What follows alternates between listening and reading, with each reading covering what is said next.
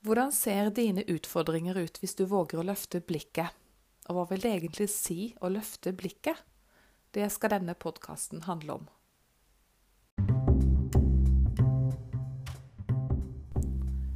Du lytter til podkasten Våg med journalist, coach og forfatter Tone Dalhaug.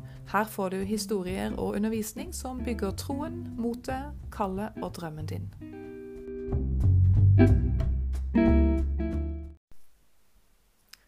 Jeg vet ikke om du har gjort den samme erfaringen som meg, eh, men det å komme opp på fjellet eh, eller ut ved havet, ved åpent landskap, det gjør noe med utfordringene man står i. Man får et annet blikk på det, eh, og opplever kanskje å se løsninger og få ideer og tanker da, til hvordan man kan løse tingene på en annen måte enn når man si, sitter hjemme i et trangt rom og, og, og grubler. Eh, og kanskje er det derfor at det er så mange gode erfaringer knyttet til det å løfte blikket i eh, Bibelen. Eh, og jeg skal dele med deg en, noe interessant som jeg oppdaget her om dagen. Jeg skulle egentlig lese i Første Mosebok, 24, og leste liksom en del her rundt denne historien med Rebekka. som tjeneren til Moses, nei, tjeneren til Abraham hadde, skulle hente da en kone til Isak. Eh, og så står det litt ute i kapittelet her at om kvelden dro Isak ut på marken for å få en stille stund. Han løftet blikket, og se, det kom noen kameler. Den setningen der, eller det verset der, det er det som sto ut av Bibelen eh, og liksom talte ekstra til meg. Og jeg vet ikke Jeg ble litt sånn imponert også over at eh, man for flere tusen år siden måtte ut i um, ut på marken, da, ut i naturen, og ha en stille stund. Uh, det er tydeligvis ikke bare nå at vi er travle og trenger å koble fra og, og ha våre lille oase og vår stille stund. Det måtte også Isak. Og så står det at han løftet blikket og se det kom noen kameler. Og på kamelene kom jo kona hans. Eh, og så for meg, når jeg leste det, så tenkte jeg oi, der kommer liksom bønnesvar omtrent. Altså Der løfter han blikket, og så ser han sin kone, framtidige kone, komme ridende på en kamel. Og så bare minnes det at uh, dette med å løfte blikket har også Jesus snakket om. Og så tenkte jeg må jammen meg google uh, eller uh, søke på bibelen.no opp dette med å løfte blikket. Og så gjorde jeg det. Nå skal du høre, det er ganske interessant.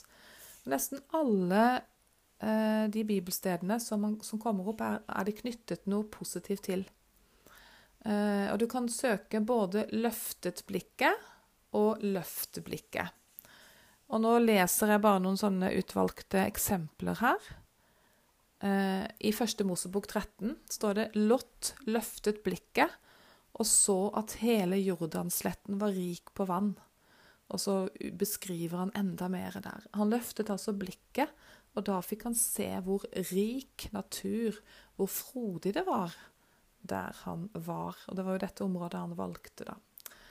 Eh, å bo og bosette seg. Så vet vi jo hvordan det gikk seinere, men det var jo en helt annen historie. Utgangspunktet var at det var rikt på vann og frodig. Så har du eh, Fjerde. Der står det om Biliam. Han løftet blikket og så Israel ligge i leir, stamme for stamme. Da kom Guds ånd over ham. Så der er det også en historie hvor det å løfte blikket gir på en måte et møte med Gud. Han får noe guddommelig, han får Guds ånd over seg. Og så står det i Daniel 4, der, står det at, der er det Nebukadnesar. Han hadde jo blitt gal. Det er jo en historie før dette, men her så står det at da tiden var omme, løftet jeg Nebukaneser blikket mot himmelen, og jeg fikk forstanden tilbake. Tenk det. Fikk han fikk forstanden tilbake ved å løfte blikket. Og så ærer han Gud i det høyeste. Det er en kontrast til hvordan det hadde vært for Nebukadnesar kan lese den historien i eh, Daniel kapittel 4. Men altså det å løfte blikket ga ham forstanden tilbake. Og så har du f.eks. Eh, i Matteus 17, og da de løftet blikket, så de ingen andre enn ham, bare Jesus. Altså det å løfte blikket ga de en, eh, et syn av å bare se Jesus.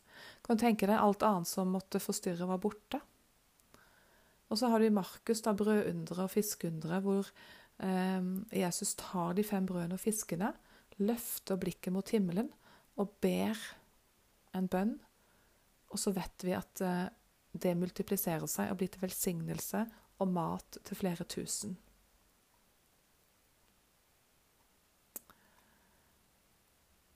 Så er det der flere her, og så står det Kan jeg jo ta et annet sted hvor Jesus løfter blikket og takker sin far i himmelen fordi eh, Lasarus er stått opp fra de døde. Så der er det en takkebønn knyttet til det å løfte blikket. Og så er det Johannes 17, eh, da, det siste Jesus sier. Det, der står det da Jesus hadde sagt dette, løftet han blikket mot himmelen og sa, Far, timen er kommet, herliggjør din sønn, så sønnen kan herliggjøre deg. Igjen mange positive eh, vers, eller hva skal jeg si, opplevelser knyttet til dette. Så skal se om jeg kunne søke opp bare 'løft blikket'. Skal vi se Det er flere. Løft blikket. Og der har vi i første Mosebok jo, I stad så, så vi at Lot han uh, valgte det frodige landet, som han også så når han løftet blikket. Og så tok Abraham da en annen vei. Og så står det i første Mosebok Herren sa til Abraham etter at Lot hadde skilt lag med ham, løft blikket og se deg omkring, fra det stedet der du står, mot nord og sør, mot øst og vest. For hele det landet du ser, vil jeg gi deg og din ett for alltid. Så der får han eh, visjonen som Gud legger ned i han. Altså Guds visjon og tanker legges ned i Abraham der, eh, når eh, Abraham løfter blikket.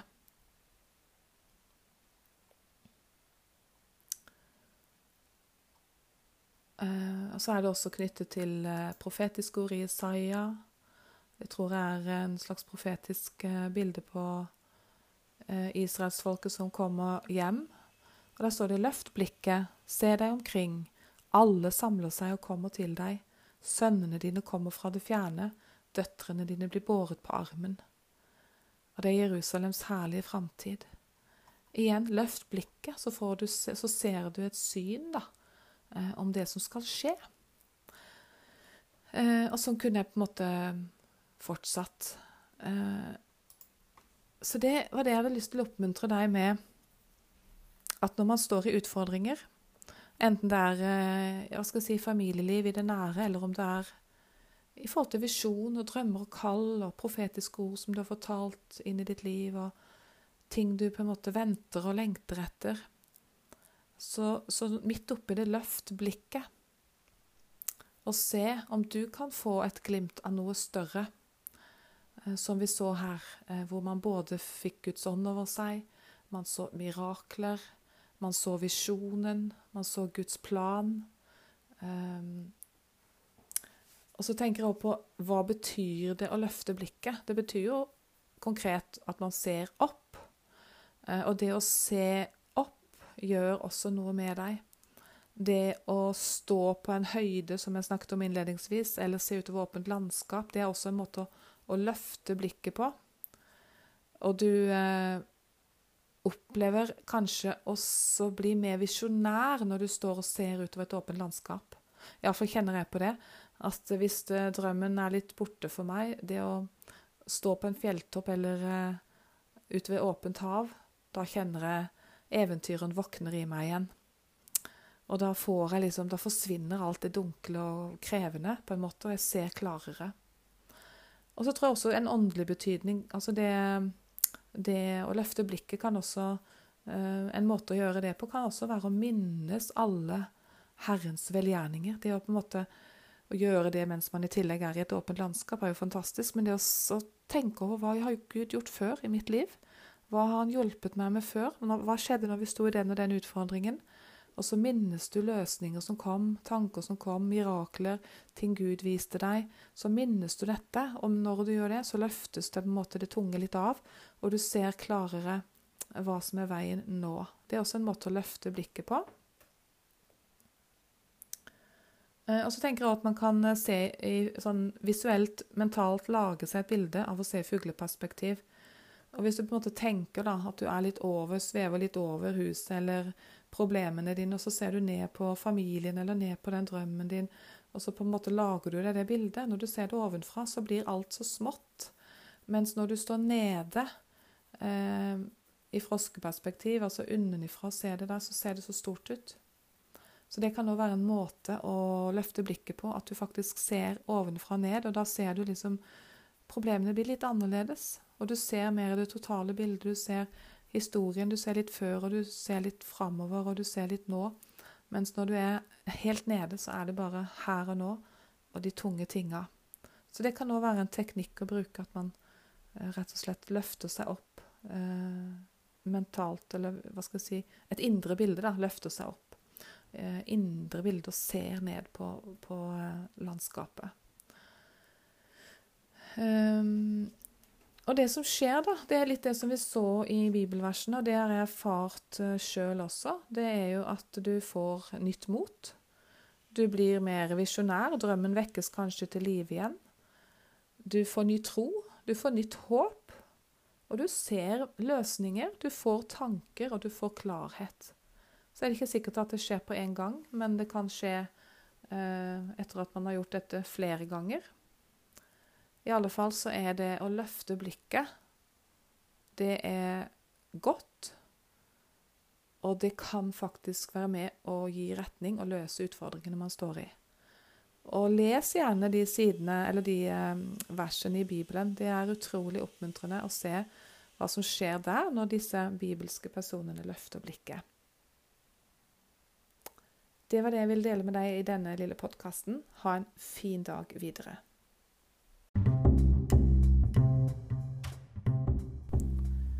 Du lytter til podkasten Våg med journalist, coach og forfatter Tone Dalhaug. Her får du historier og undervisning som bygger troen, motet, kallet og drømmen din.